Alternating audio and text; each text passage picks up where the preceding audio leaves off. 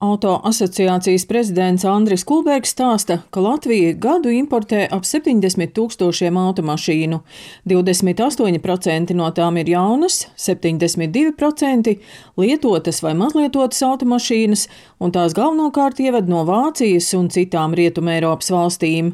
Kopš pandēmijas auga automašīnu cenas, jo autotirgū bija vērojams liels mašīnu deficīts. Tāda inflācija tieši cenu kāpumā, tieši konkrēti automašīnās, es neatceros, kad būtu bijis piedzīvots. No nu, tad Krievijas izraicītais karš Ukrainā, kad uh, tika ieviestas sankcijas, palielināja šīs cenas, jo izējumateriāli kļuva dārgāk cenu kāpums varētu izlīdzināties un samazināties šogad, jo Eiropā krīt pieprasījums pēc automašīnām, gan šīs energo krīzes rezultātā ģeopolitiskās, un, protams, arī Eiribors ir, ir nopietni kāps, kas kreditēšana bremzē. Lai iedzīvotājiem būtu vieglāk iegādāties jaunus vai lietotus elektromobiļus vai hibrīda auto, valsts līdz 2024. gadam atbalsta programmas ietvaros piešķirs 10 miljonus eiro, Vides investīciju fonda finanšu vadītājs Gins Kārkliņš stāsta, ka šobrīd atbalstam iztērēta apmēram ceturtā daļa summas, saņemti 680 pieteikumi par 2 miljoniem 680 tūkstošiem eiro.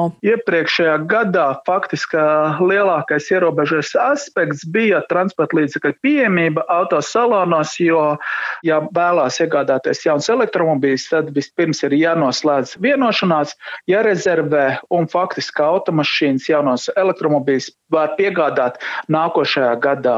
Tāpēc šogad sagaidām, ka tā aktivitāte būs lielāka un tad tikai ar Latvijas komersantu var iegādāties. Gan arī 3 ceturtais iedzīvotāji iegādās elektromobīļus līzingā un pārsvarā iedzīvotāji izvēlās vidējas klases elektromobīļus cenu robežās līdz 30 tūkstošiem eiro elektrības cenas varbūt īstermiņā tiešām viņas bija ļoti pieaugušas, taču, ja mēs skatāmies nākotnē, savu lomu spēlēs arī otra valsts atbalsta programma, kas sekmē saules elektrostaciju uzstādīšanu. Nākotnē vasarā elektrības cenas ļoti zemes viņas varētu būt brīžos, kad ir liels saules aktivitāte. Auto asociācijas prezidents Andris Kulbergs uzskata, ja mainītu auto nodokļu apmēru reprezentatīviem jeb luksus auto, tad Latvijā būtu vairāk elektroauto un valsts iekasētu lielākus nodokļus.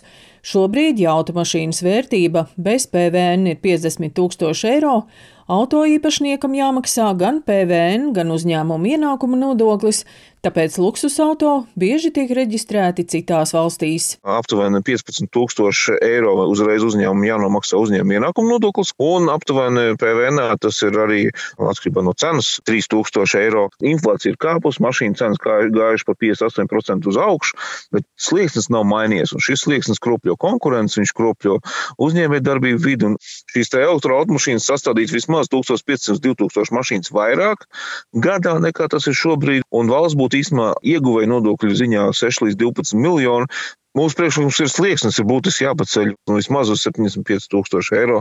Mēs vienkārši ne, nezaudēsim, kad šīs mašīnas reģistrē ne tikai jau Igaunijā, bet nu, arī Čehijā, un Vācijā un Lietuvā. Nemaksā nodokļus Latvijā, maksā tur, bet izmanto ceļus infrastruktūru šeit. Personām, kas brauc ar ārvalstīs reģistrētām automašīnām, bet kuru dzīves vieta ir deklarēta Latvijā, jāmaksā transporta līdzekļa eksploatācijas nodoklis. Auto asociācijas pārstāvis vērtē, ka policija to kontrolē par maz un nodoklis netiek iekasēts. Daina Zalamane, Latvijas radio.